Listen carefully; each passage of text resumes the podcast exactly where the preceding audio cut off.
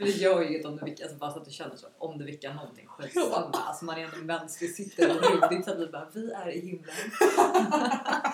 Ingenting hörs. Bara uff, en stol. Äh, nej. Jag förstår vad det är liksom. Åh, verkligen. Okej. Kul att vara här. Ja, så kul att vara här. Ja. Det är inte att vi inte pratar ofta, men det är kul att spela in våra konversationer. Verkligen. Jag bara, vi har ju tyckt att de har varit så himla givande. Ja, kanske vill höra. Ja, men just att få bara så snacka om, det är lite det vi gör, alltså bara gå in på djupet. Mm. Det är ju liksom, jag menar med många vänner så pratar man om det som pågår, men vi går liksom in till roten hela Mm. tiden känns det som. Mm. Och bara går in och bara, men okej vad handlar det här om egentligen liksom? Mm. Vilket är så sjukt befriande att få prata om det. Ehm, så det var därför vi ville liksom köra den här podden också.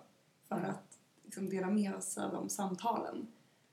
Absolut. Alltså du och jag är ju riktiga nördar skulle jag säga när det kommer till personlig utveckling och så här, vilja förstå oss själva, förstå andra människor och liksom hela tiden ta oss framåt på så sätt. Ehm, så vi pratar ju hela tiden om samma saker.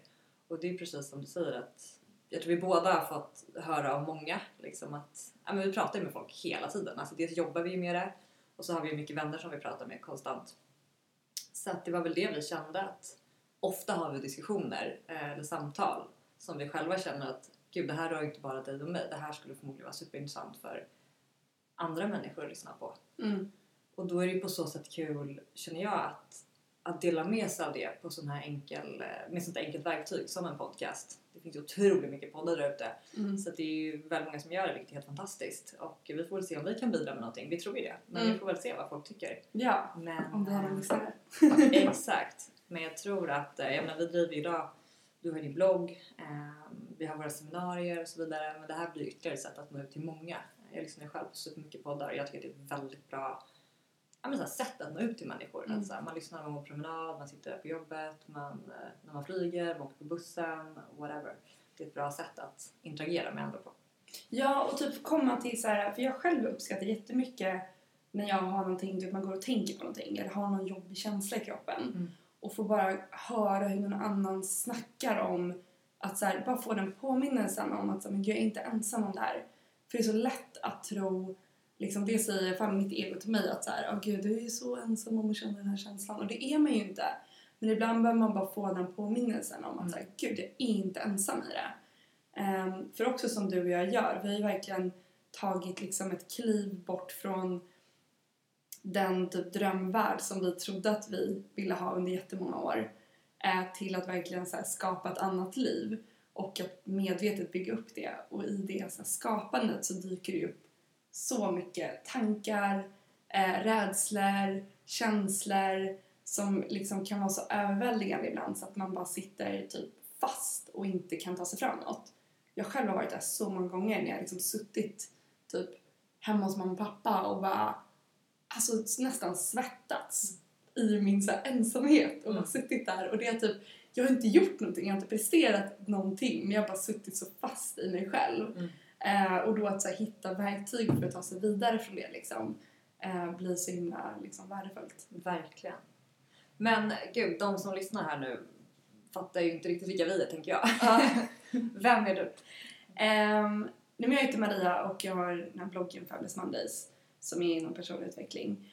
Och min resa är väl egentligen att jag har gått från att ha liksom checkat av alla de här, verkligen varit pappas lilla flicka, checkat av liksom alla de här boxarna, pluggat i Uppsala, fick ett jobb inom marknadsföring i Paris och verkligen landade det här som jag i mitt huvud och in, så här, samhället var så här så jävla bra liksom. Um, hade den här bra lönen, resor, bra kollegor, levde liksom drömlivet i Paris. Men hade den här känslan inombords att vad gör jag med mitt liv? Den här jätteobehagliga som försökte trycka undan så många år genom liksom ja, men bara alkohol och festande och liksom eh, men att jag nådde den punkten där det var liksom att det här känns ihåligt och jag var livrädd för de frågorna som skulle komma upp när jag väl började titta på det, vad det var som verkligen skadade. Eh, men sen till slut så gjorde jag det och det resulterade i att jag egentligen var ute och reste ett år i att så här, försöka hitta mig själv. Var en väldigt, liksom, öppnade upp mig för spiritualitet som jag tidigare tyckte varit världens flummigaste grej någonsin. Ehm, men sen blev jag yogalärare också, vilket så här, tittar man på mig då och nu ser det liksom två helt olika personer. Det är så ologiskt. Det, är så här, det, finns bild, det fanns typ en bild på mig eh, när vi gjorde yoga, när vi, jag och mamma och Lisa, var, min syrra då, var i Spanien. Och jag sitter och är skitsur, alltså för att jag måste göra yoga. Det är verkligen så här, jag var så jävla lack. För jag bara det här, är, jag fattar inte grejen, det är obehagligt, det är liksom till att då så här, åka till Indien och bo på ashram.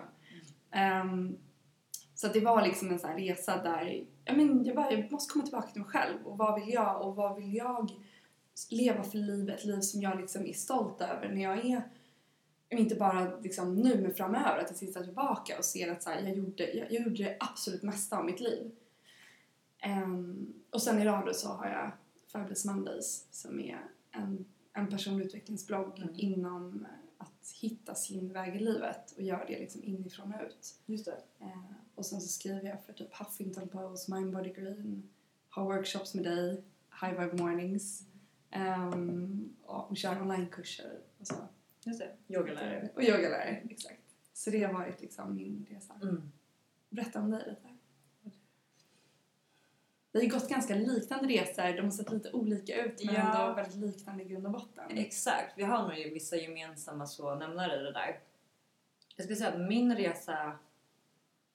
Jag har ju verkligen varit den här alltså, verkligen duktiga flickan på alla plan.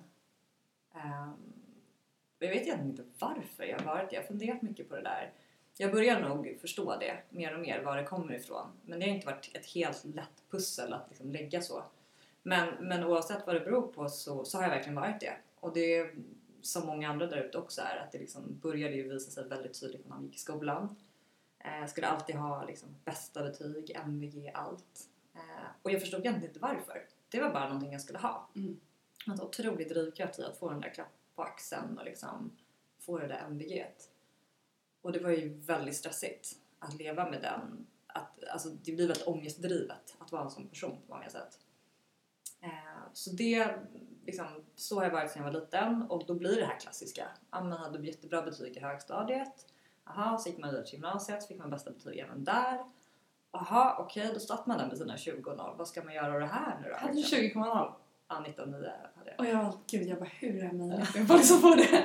Ja. Nej men då var det så här, "Ha, okej då måste man ju förvalta det här. Det var Mm. också någon form av så här, sanning jag hade i mig. Då var det så här, läkare eller typ Handels, Handelshögskolan i Stockholm. Eh, och läkare är jag ju rädd för blod så det föll ju bort. Bara, ja, Handels ska då. Eh, och sen liksom raceade man där. Det som var skönt var att precis, alltså det roliga är att så här, min mamma har alltid varit extremt, hon är väldigt intresserad av människor och alltid varit, alltså riktigt såhär Alltid när jag kom hem till skolan så drack vi typ, min kompis alltid, hon var så avundsjuk på du och din mamma som alltid drack te efter skolan. För vi satt alltid i köket när hon lagade mat och så, när jag kom hem och så snackade vi liksom alltid. Då frågade hon alltid hur min dag hade varit och så berättade grejer som hade hänt. Och det jag inte fattade vad hon gjorde, men liksom när jag ser tillbaka på det, var att hon lärde ju mig då genom att så här, ställa frågor och reflektera och ge mig perspektiv på hur, som, alltså, du vet, om jag hade berättat om något jobbigt som hade hänt med någon lärare eller något bråk eller whatever. Då hade hon en förmåga att så här, ställa frågor och bara, men vad tror du det berodde på? Varför blev det så? Vad, vad tror du hon tänkte om det? Vad kan det ha berott på? Alltså jag började få de här liksom indirekt så här, ja, men så här, psykologi, liksom ett coachperspektiv nästan på saker. Men det var ingenting hon så här, gjorde medvetet eller framförallt sa inte det till mig utan det var bara samtal vi hade. Så det var väldigt tidigt så här, liksom när jag var typ 12-13 så hade jag de här diskussionerna så alltså, jag, för mig var det ganska naturligt att tänka i de banorna. Så. Um, och där började nog mitt intresse för människor liksom gro. Men parallellt med det var ju den här duktiga flickan hela tiden som hade liksom de här liksom externa krafterna som jag drevs av. Vilket gjorde att jag tyckte att det var superintressant. Det var ju där min passion låg och det var där liksom, det var det jag la min fritid på. Att tänka och läsa. Jag läste ju supermycket psykologiböcker och funderade och sådär. Men samtidigt var det för mig själv bara typ en hobby. Det var mitt så här fritidsintresse. Det var ingenting som jag då tänkte att det här kan jag jobba med. För det var ju liksom inte tillräckligt liksom, statusfyllt då på, på så sätt. Inte för att det var det ordet jag satte på det, men det var ju det, det omedvetet jag tänkte. Så att jag har egentligen sedan jag var liten haft med mig psykologi och människor som mitt intresse, fritidsintresse egentligen. Men det har liksom hela tiden legat parallellt på sidan och inte varit liksom mitt professionella på något sätt. Så att, men det som i alla fall, då hade jag läst väldigt mycket så precis innan jag började Handels, vilket jag är väldigt tacksam för, eh, så hade jag precis läst en bok där liksom, poletten föll ner för mig.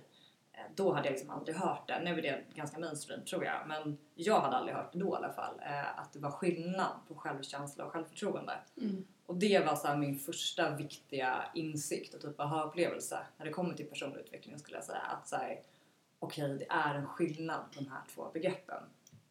Och för mig då handlar det om att självförtroende, det, har du ett högt självförtroende då vet du att du är bra på att göra saker, du är bra på att prestera. Eh, det kan vara allt ifrån att man är bra på så här, bollsporter, man är bra på att dansa, man, är, man kan till och med vara så bra på att lyssna på människor. Det kan också vara en skill liksom, som man har. Men man är bra på att prestera saker och ting.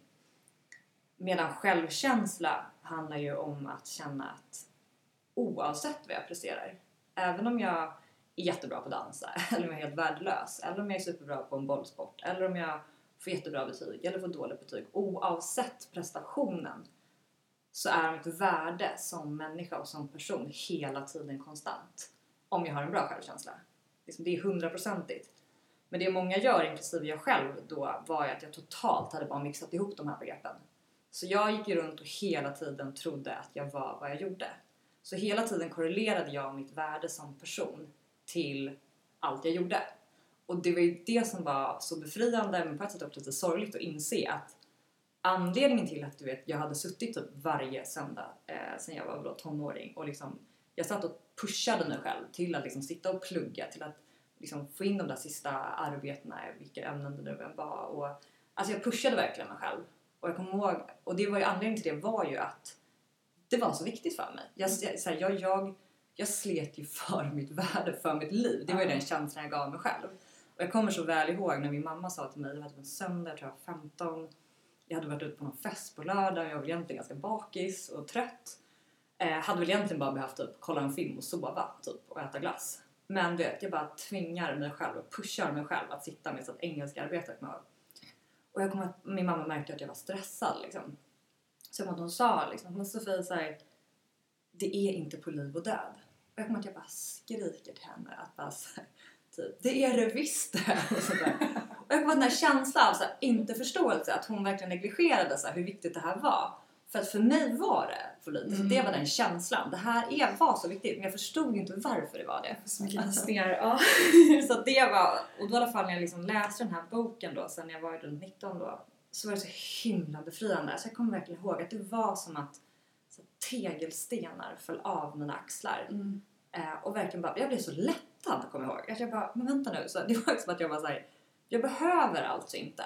Jag är bra ändå. För innan hade jag ju så här jag hade ju omedvetet haft en så checklista i huvudet när jag vaknade upp på morgnarna. Alltså okej, okay, varje morgon, det var ingenting jag satt och hade en så fysisk lista. Men omedvetet gick jag igenom så okej, okay, vad är det jag ska göra idag? Ja ah, men det handlade om att äta rätt, eh, jag skulle typ powerwalka, Eh, liksom sporta, jag skulle vara en bra vän, jag skulle vara liksom närvarande på lektionerna, jag skulle kunna svaren, jag skulle få bra betyg på liksom, proven. Eh, men inte så nog med det, nej man skulle så ut och festa, man skulle liksom ha killar, man skulle, man skulle göra allt på alla områden. Och sen omedvetet indirekt när jag gick och la mig så gick man ju typ igenom den här listan. Och bara såhär, vad har jag liksom presterat idag? Vad är liksom summan av de här prestationerna? Vad är jag värd idag?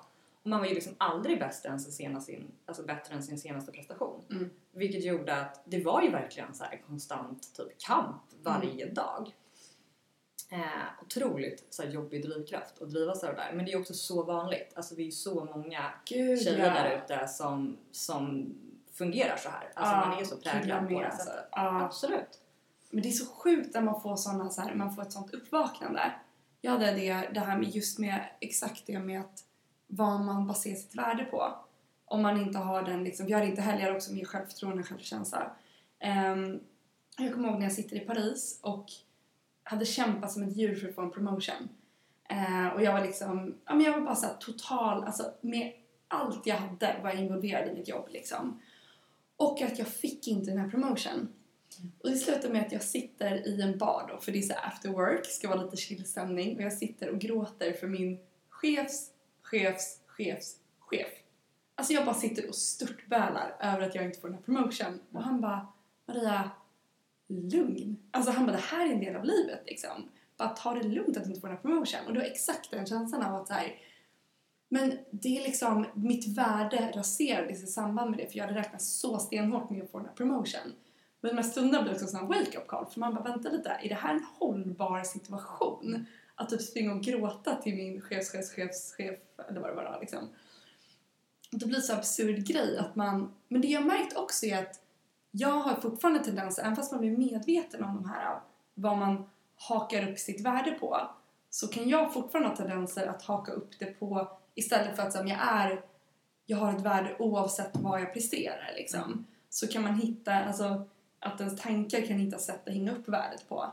Jag kan till exempel, jag kom på mig själv här för, om det var ett par veckor sedan, att jag hade ett värde i, eller att jag värderade liksom, beroende på hur många vänner som har hört av sig och som hittar på saker, så hängde jag upp mitt värde på det. Mm. Och att liksom, för att jag märkte att jag blev väldigt påverkad av hur många som har hört av sig, hur mycket jag, alltså hur många hjärtan man har fått typ i meddelanden. Alltså det är skittöntigt liksom.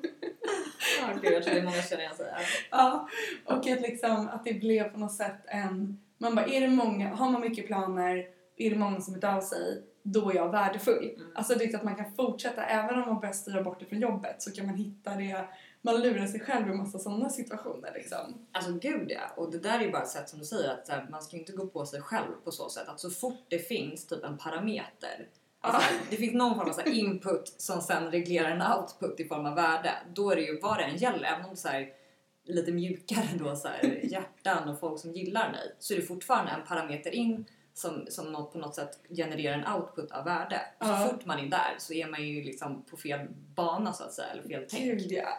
Verkligen. Eh, och, För, mm. för det är ju så då när man får den responsen, alltså man får den kicken av att så här, yes, typ jag har ett bra värde oavsett om det är så jobbmässigt eller i relationer eller vad det är liksom.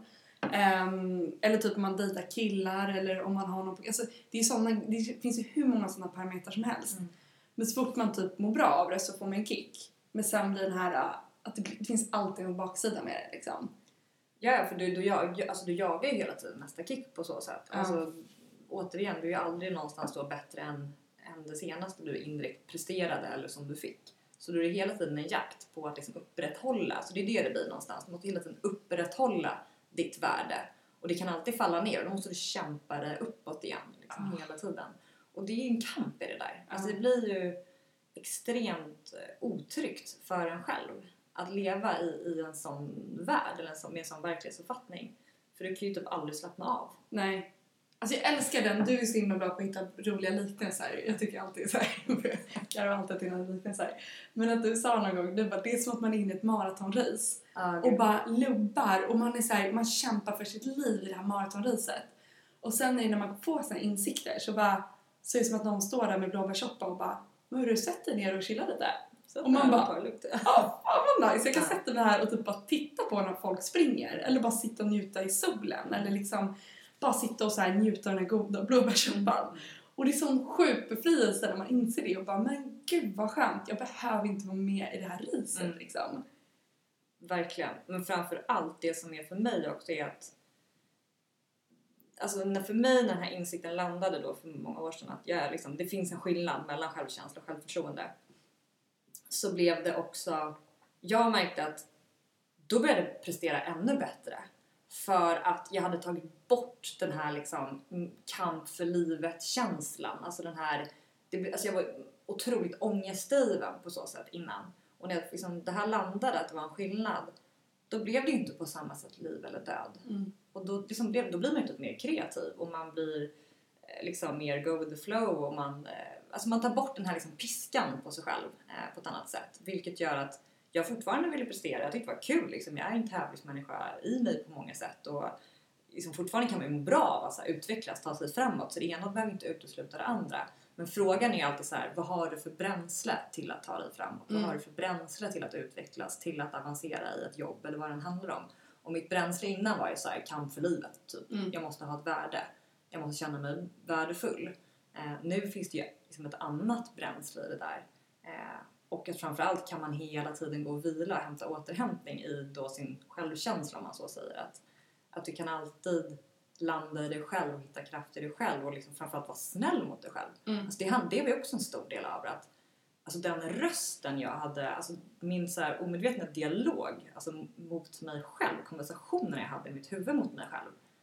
Alltså det är ju som vi brukar prata om, man skulle ju bara sagt till någon polare som sa alltså bara dra åt helvete alltså, så här, det, Förstår du vad jag menar? Aldrig varit polare med sig Nej men det hade ju aldrig, De nej, alltså den, liksom, de orden, de fraserna, det hade man ju aldrig accepterat hos en kompis eller någon annan.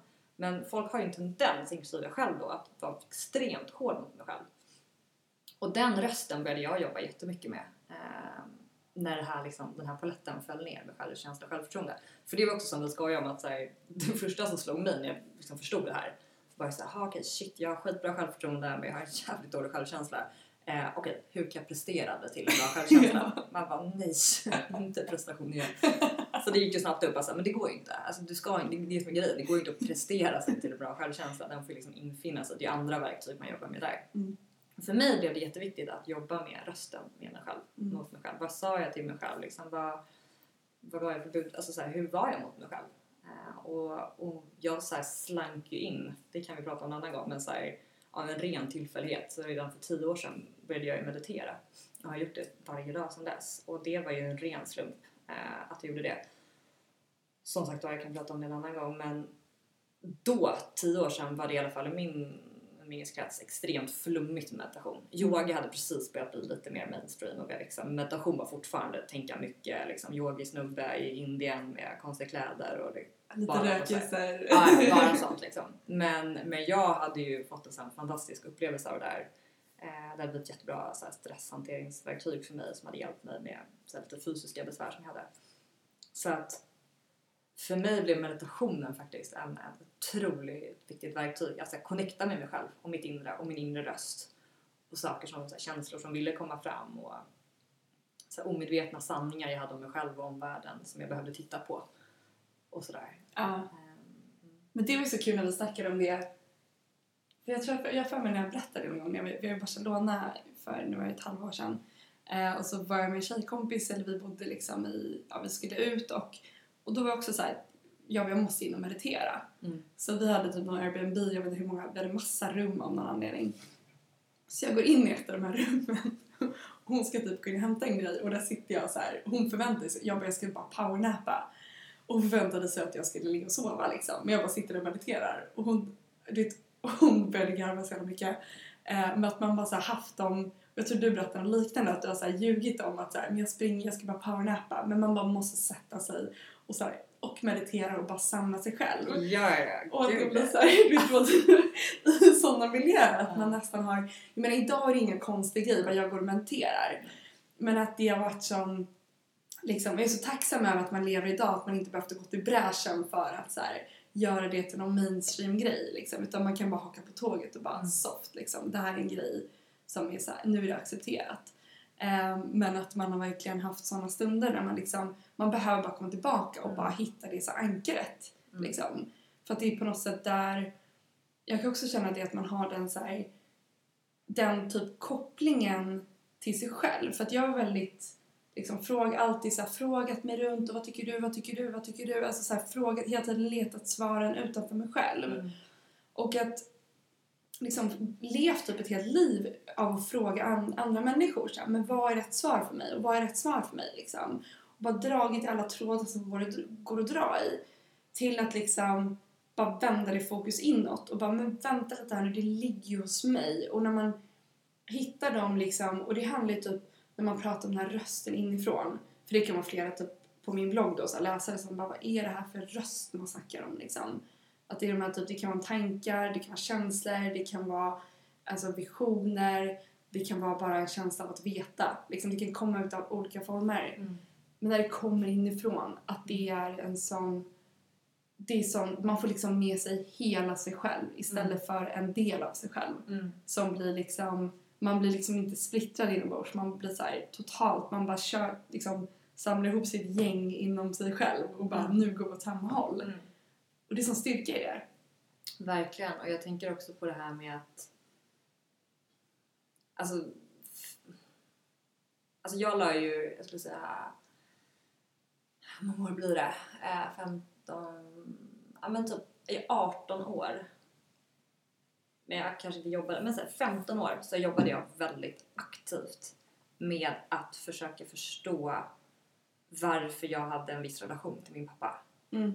Att jag ville liksom förstå varför jag hade vissa känslor mot honom, varför jag ibland kunde vara arg på honom, varför han kunde trigga viss, en viss irritation hos mig. Det var så mycket känslor och så mycket saker som du vet, när man får den här ryggmärgsreaktionen, det bara händer och man kan typ inte styra det. Mm. Och jag hade så, i så många år så jobbade jag liksom på det, med det här på så mycket det mentala planet. Alltså obviously eftersom jag liksom är så intresserad av psykologi och sådär så har jag ju liksom förstått mig själv på det mentala planet liksom väldigt mycket så. Men trots att jag då någonstans tyckte att jag hade kommit rätt långt med att förstå mig själv och varför jag ibland betedde mig som jag gjorde och så vidare så släppte ju inte det här. Alltså fortfarande så kunde ju han trigga mig på ett sätt som jag liksom, och då blev man ju typ arg på sig själv. Man bara, hur kan det här vara möjligt att vi fortfarande hamnar i de här situationerna?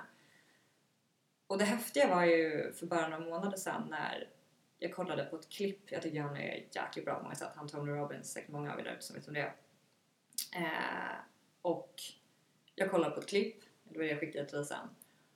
Och helt plötsligt så någonting bara öppnades upp och jag vågade liksom känslomässigt connecta till, till det som var rotorsaken till det här.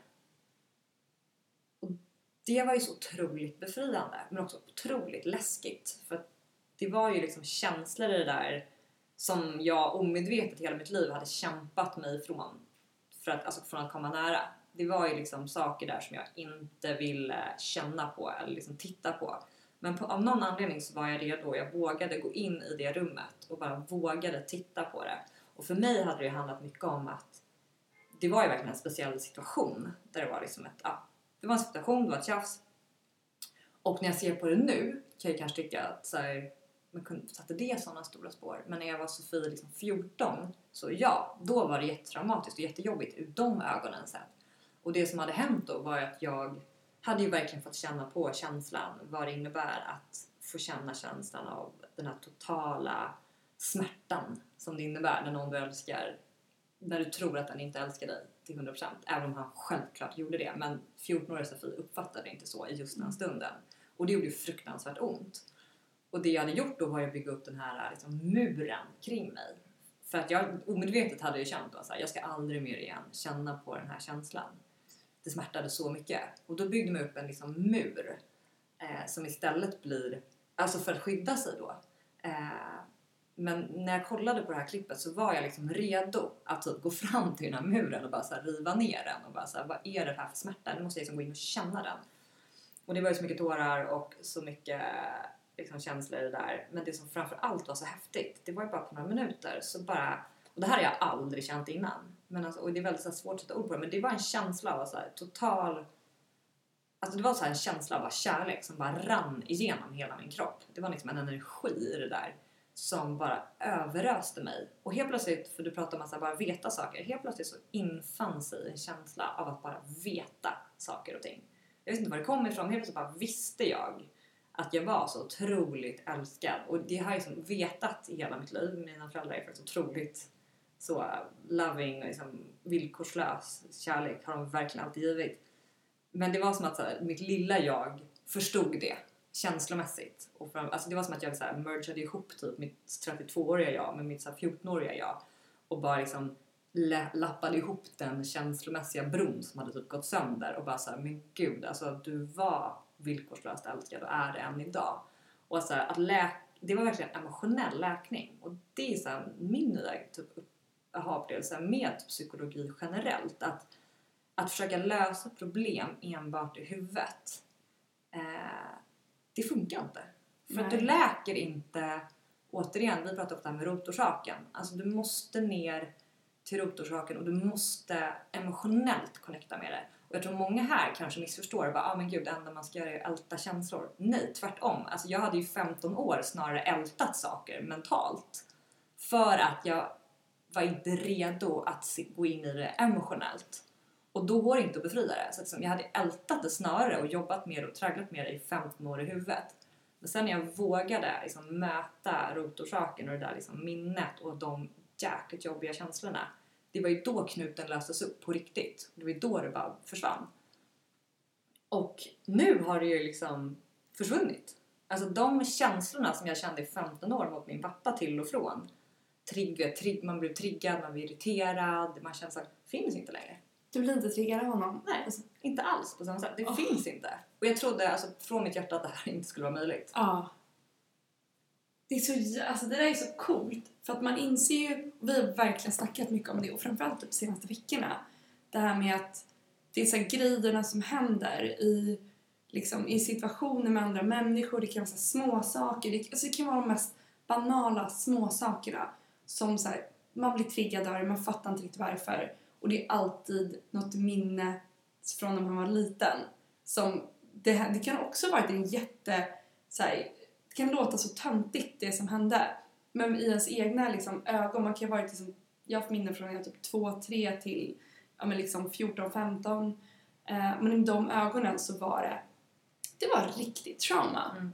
Och det, jag tror att det är den biten att man ofta tror att vi som så här, har man inte varit med om någonting riktigt så att man har vuxit upp i liksom misshandel eller varit i liksom riktig misär med krig eller Eller missbruk, sexuellt ja. utnyttjande ja, eller missbruk så har man liksom inte varit traumatiserad. Men jag tror att det är nästan oundvikligt att inte bli traumatiserad. För att det kan vara, som du berättade liksom, om någon som hade det där med att någon fick en glass tidigare. Ja, jag läste En om en, exakt. Jag läste om en tjej som, eh, precis, hennes, hon hade alltid känt sig väldigt förfördelad relativt sin syster. Alltid känns en känsla av att hon är mer älskad och hon visste inte varför. För de var ju väldigt, hennes föräldrar var ju superfina och verkligen älskade dem båda. Men hon har alltid gått runt med den här känslan av att så, här, hon är mer älskad än vad jag är.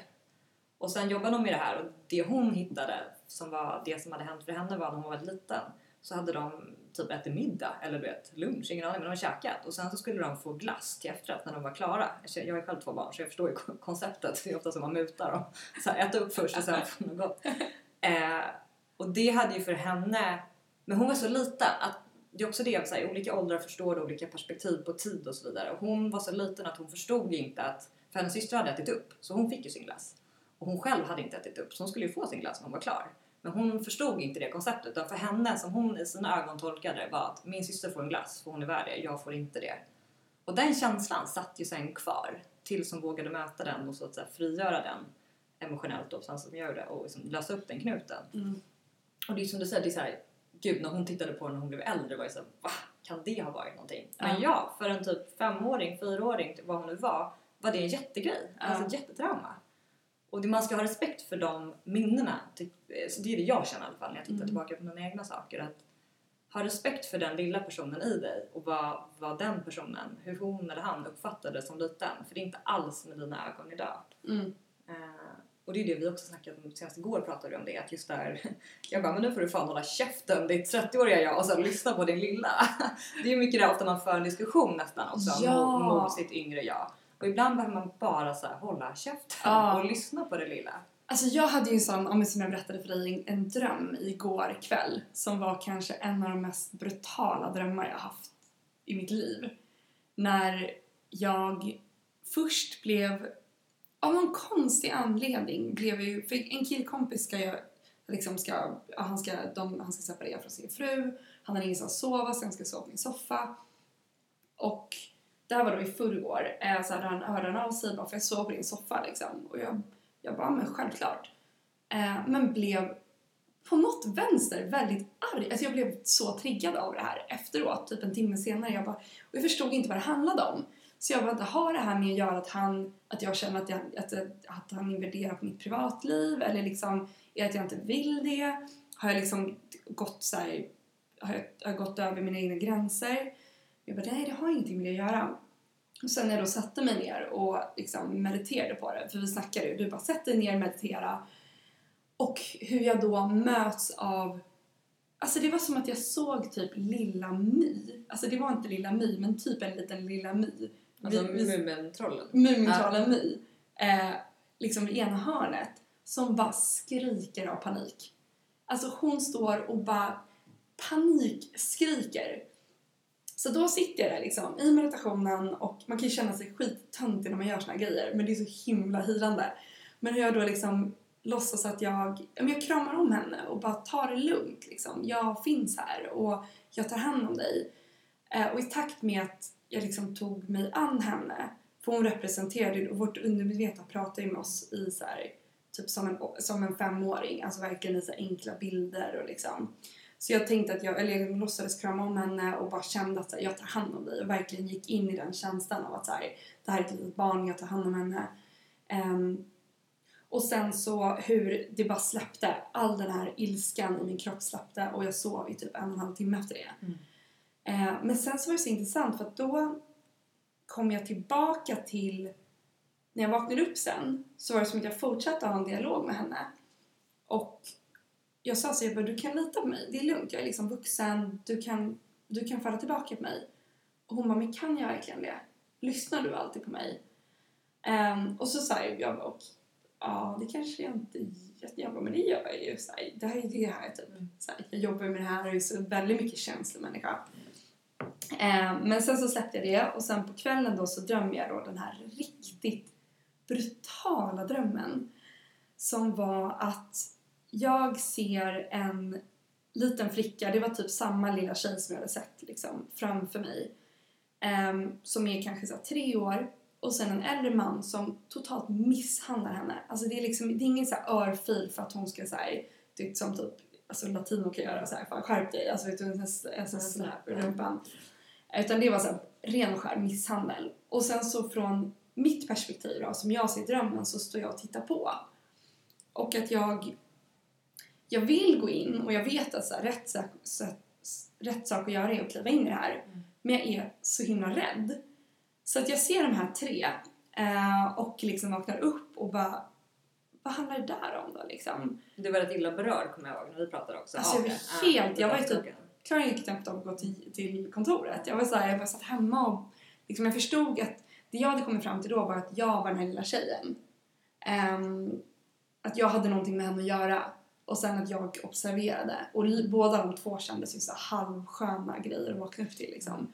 Men sen när jag pratade med dig och du bara, men du kanske är alla tre i den här drömmen. Och um, det, alltså när den grejen hände, det var som, det här var igår liksom. Men jag kände Eh. det när vi pratade, det, det var verkligen, alltså man har, jag tror alla känner igen sig att ha så aha moments. Det var ju verkligen Ja. så här en pol, alltså, polett som föll ner. Alltså och så, och återigen så sådana grejer är så himla, de är så, det är så sjukt läskigt att möta sig själv. För att det finns så mycket sidor av sig själv som man bara Men gud, skulle jag ha någonting med den här äldre mannen som misshandlar ett barn att göra? Det är så, att jag kan inte relatera till honom. Men när jag satte mig och liksom jag gick in i varje person då i den här drömmen, alla tre personer gick jag in i Um, och liksom förstod deras, när jag gick in i honom till exempel, då kände jag bara så här ilska och typ Alltså jag fick så mycket så här i armarna, typ, jag ville bara, jag blev så arg, jag såg svart, jag förstod att så här, han kände väldigt mycket ilska.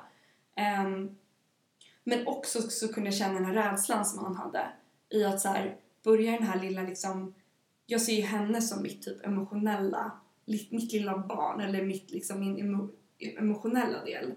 Ehm, och att jag kunde förstå att hans, jag fortfarande inte, jag tror att jag ska komma tillbaka till det här för det var så starkt. Men att liksom hans rädsla över att om hon börjar härja fritt då kommer det gå illa för henne för att hon kommer bli sårad, hon kommer liksom, alltså det kommer hända så mycket så att det är lika bra att hon håller käften och gör allt för att få henne att hålla käften liksom. Så jag gick in i alla de här och alltså, men när jag kom till honom, det var, jag tror det var han som var svårast att liksom ta sig till i att det finns en del av mig som tystar den delen av mig själv så jävla hårt och liksom även om jag är öppen och pratar om det och vill verkligen ta mig ner så finns det sidor som är riktigt mörka.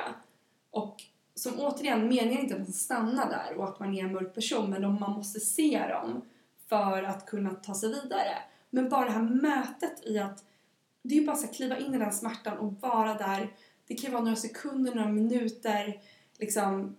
Men våga vara i den smärtan är så sjukt läskigt. Men det är så befriande när man gör det. Verkligen. Och det som kommer till mig, det är ju så här, dels är ju hjärnan så sjukt häftig på så sätt att, vad du pratade lite om igår, att så här, hjärnan förstod ju att det här är väldigt jobbigt för dig att fejsa. Mm. Att du är alla tre. Att du, att du indirekt misshandlar dig själv så otroligt hårt till och från mentalt. Vilket många, många gör. Inklusive jag själv har gjort det jättemycket genom åren.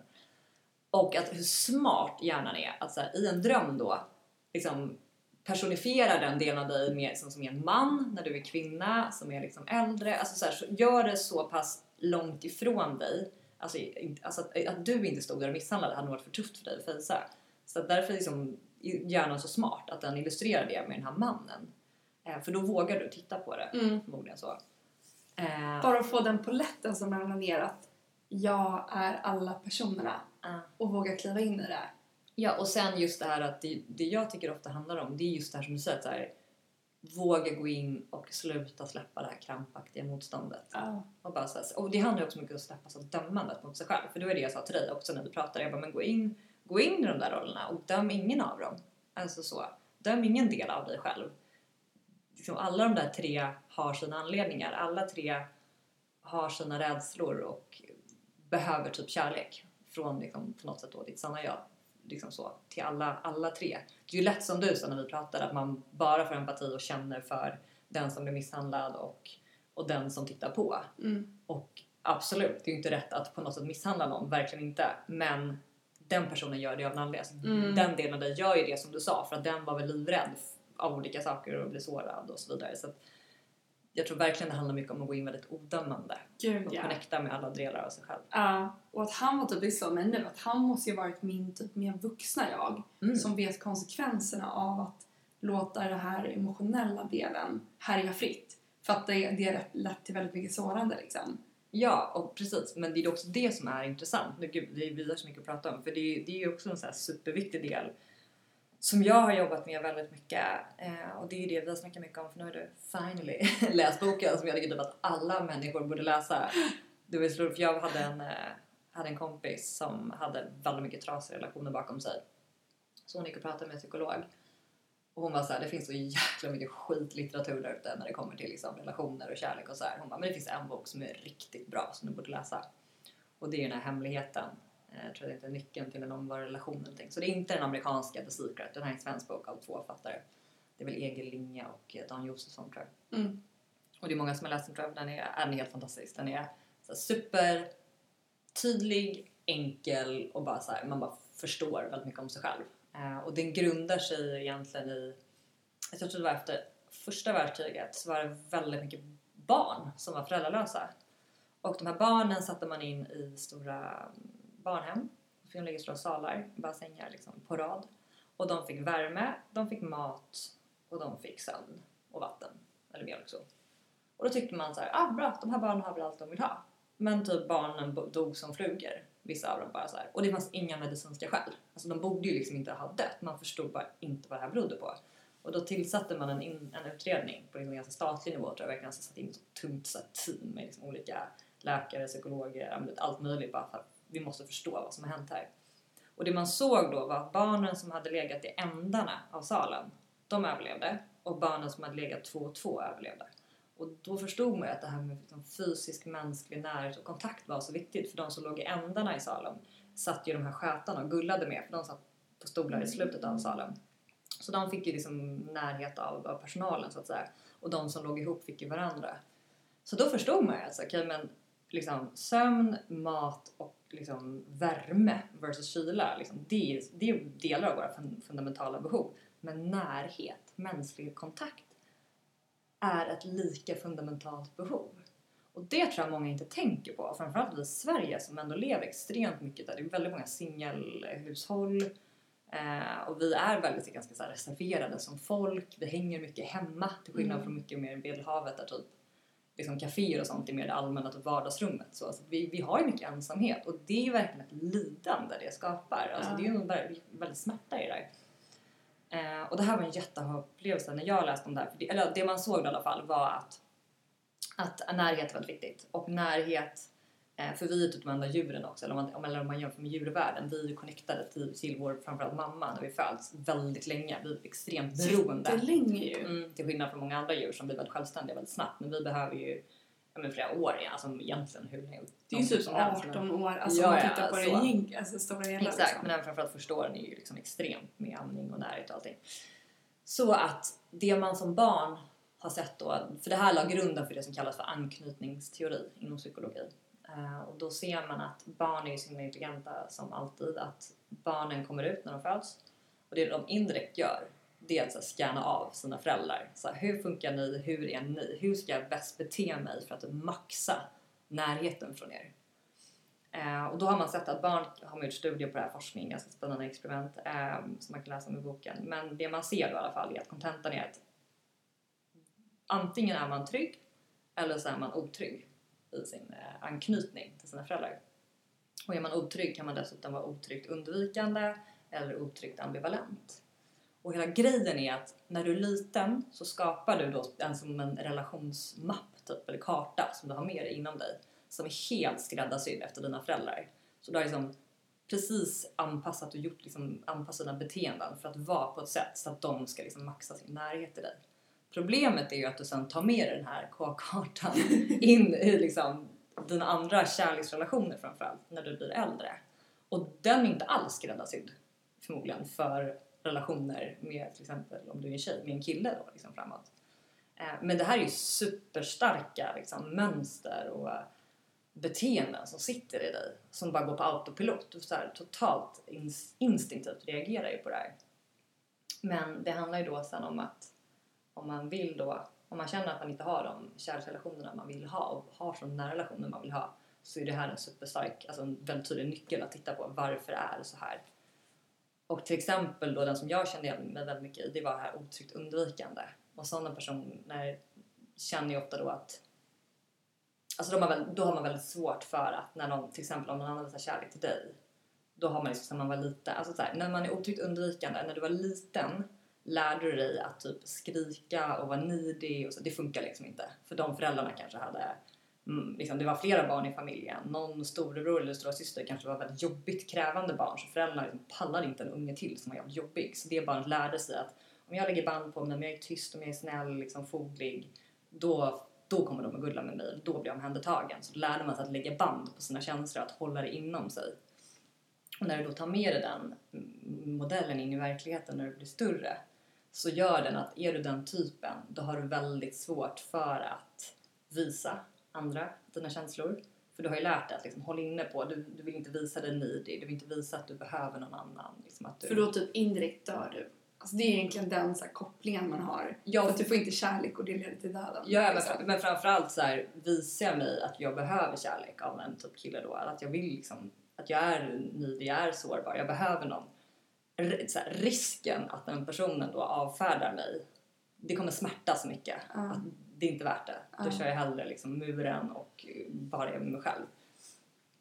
Eh, man måste läsa boken för att den är extremt intressant. Vi pratar ja. väldigt ytligt här. Men, kontentan är att vågar man titta på då sin egen relationsmodell och sin anknytning så är ju det en sån otrolig nyckel till att förstå sig själv och sina beteenden och framförallt sen då att komma nära på riktigt. Att våga, egentligen våga vara sårbar handlar det väldigt mycket om. Eh, jag kommer ihåg, jag hade min gamla pojkvän så jag bara, det hade, om det var någonting så istället, det här är också väldigt tjej kanske, men alltså om en kille frågar vad är det? Om det var någonting, då kunde jag inte bara säga vad det var. Ja, inget. Nej, det är ingenting. Man är skitarg. Så bara 25 gånger senare bara, men det är ju någonting, vad är det? Men det är ingenting.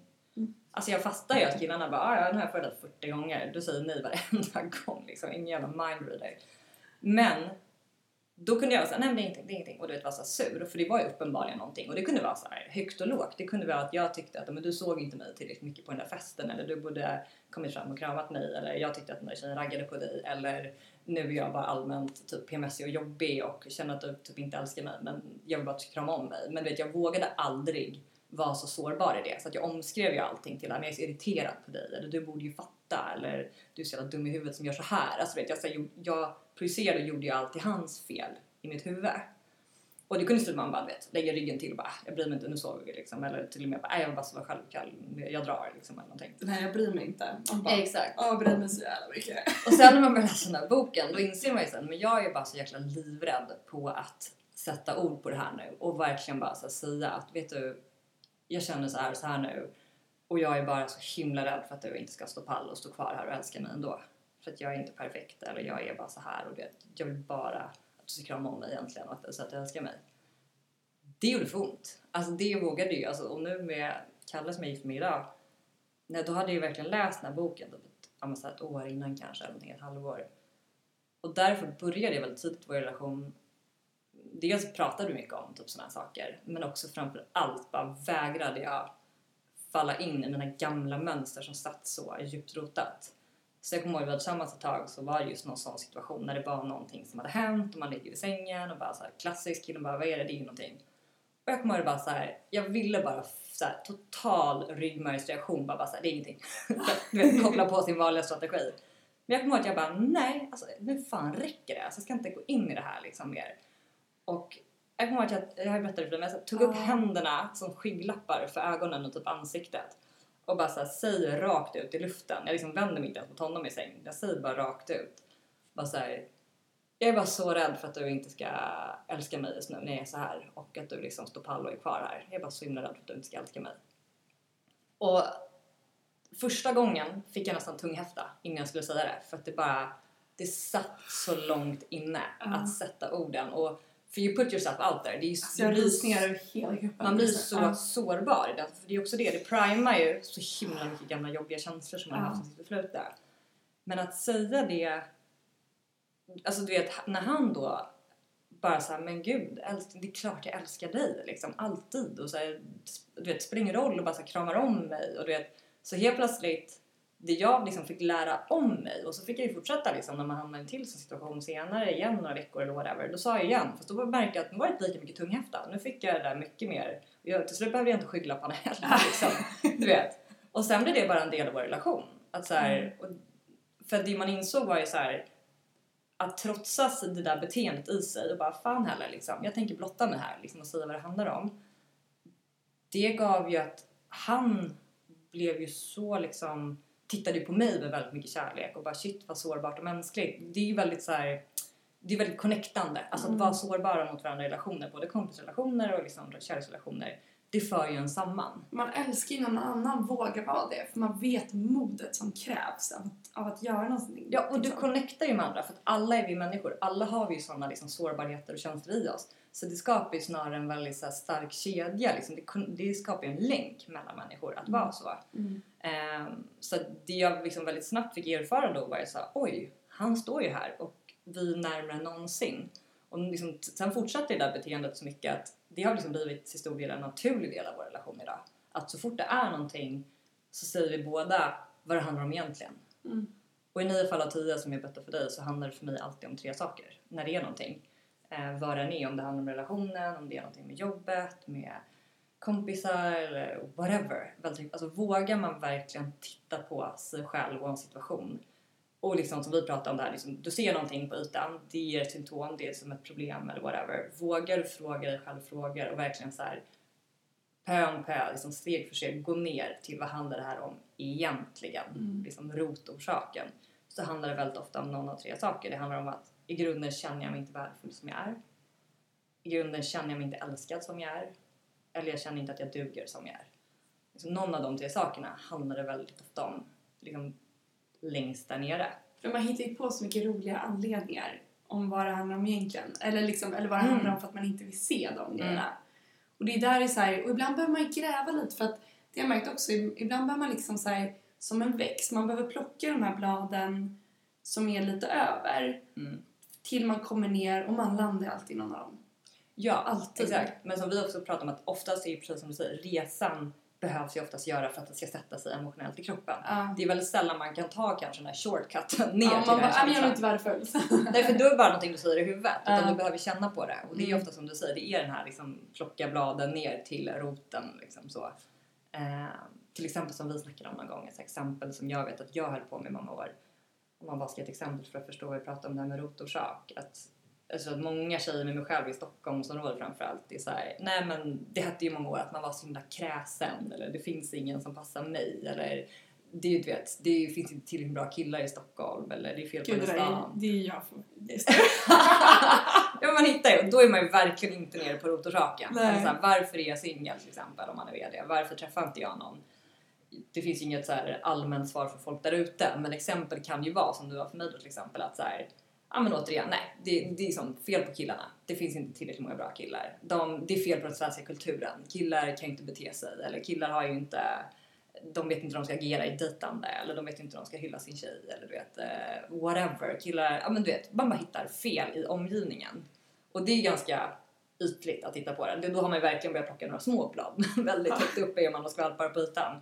Men det det handlade om för mig var ju att så här, och jag hittade ju på så mycket konstiga anledningar också till varför jag skulle bila ur när jag då föredejtade killar. Det var ju liksom fel på skosnörena, det var ju för stora öronsnibbar eller bodde i fel område. Liksom. Man hittade ju på bara för att fly liksom.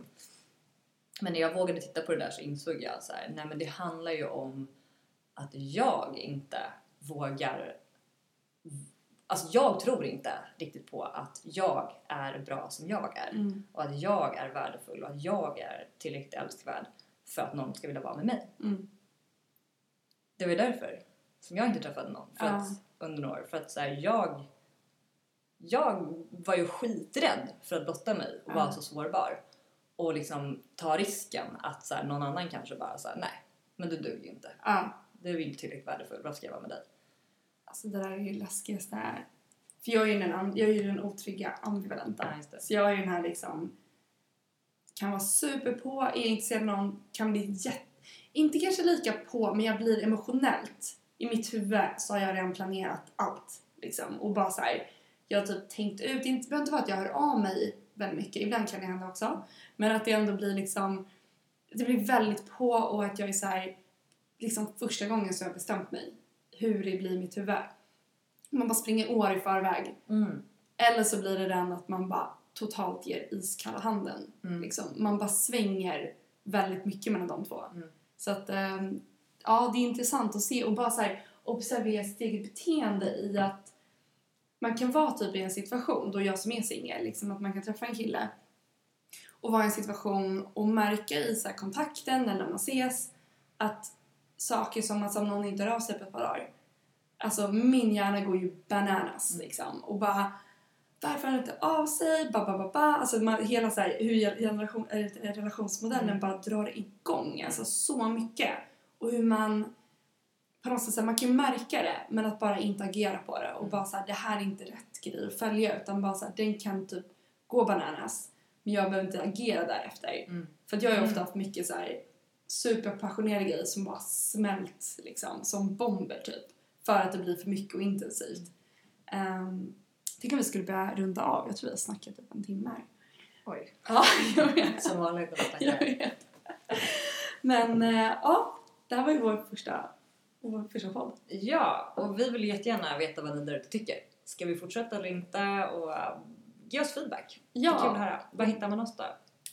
um, visst har vi, vi har en Ja. Instagram va?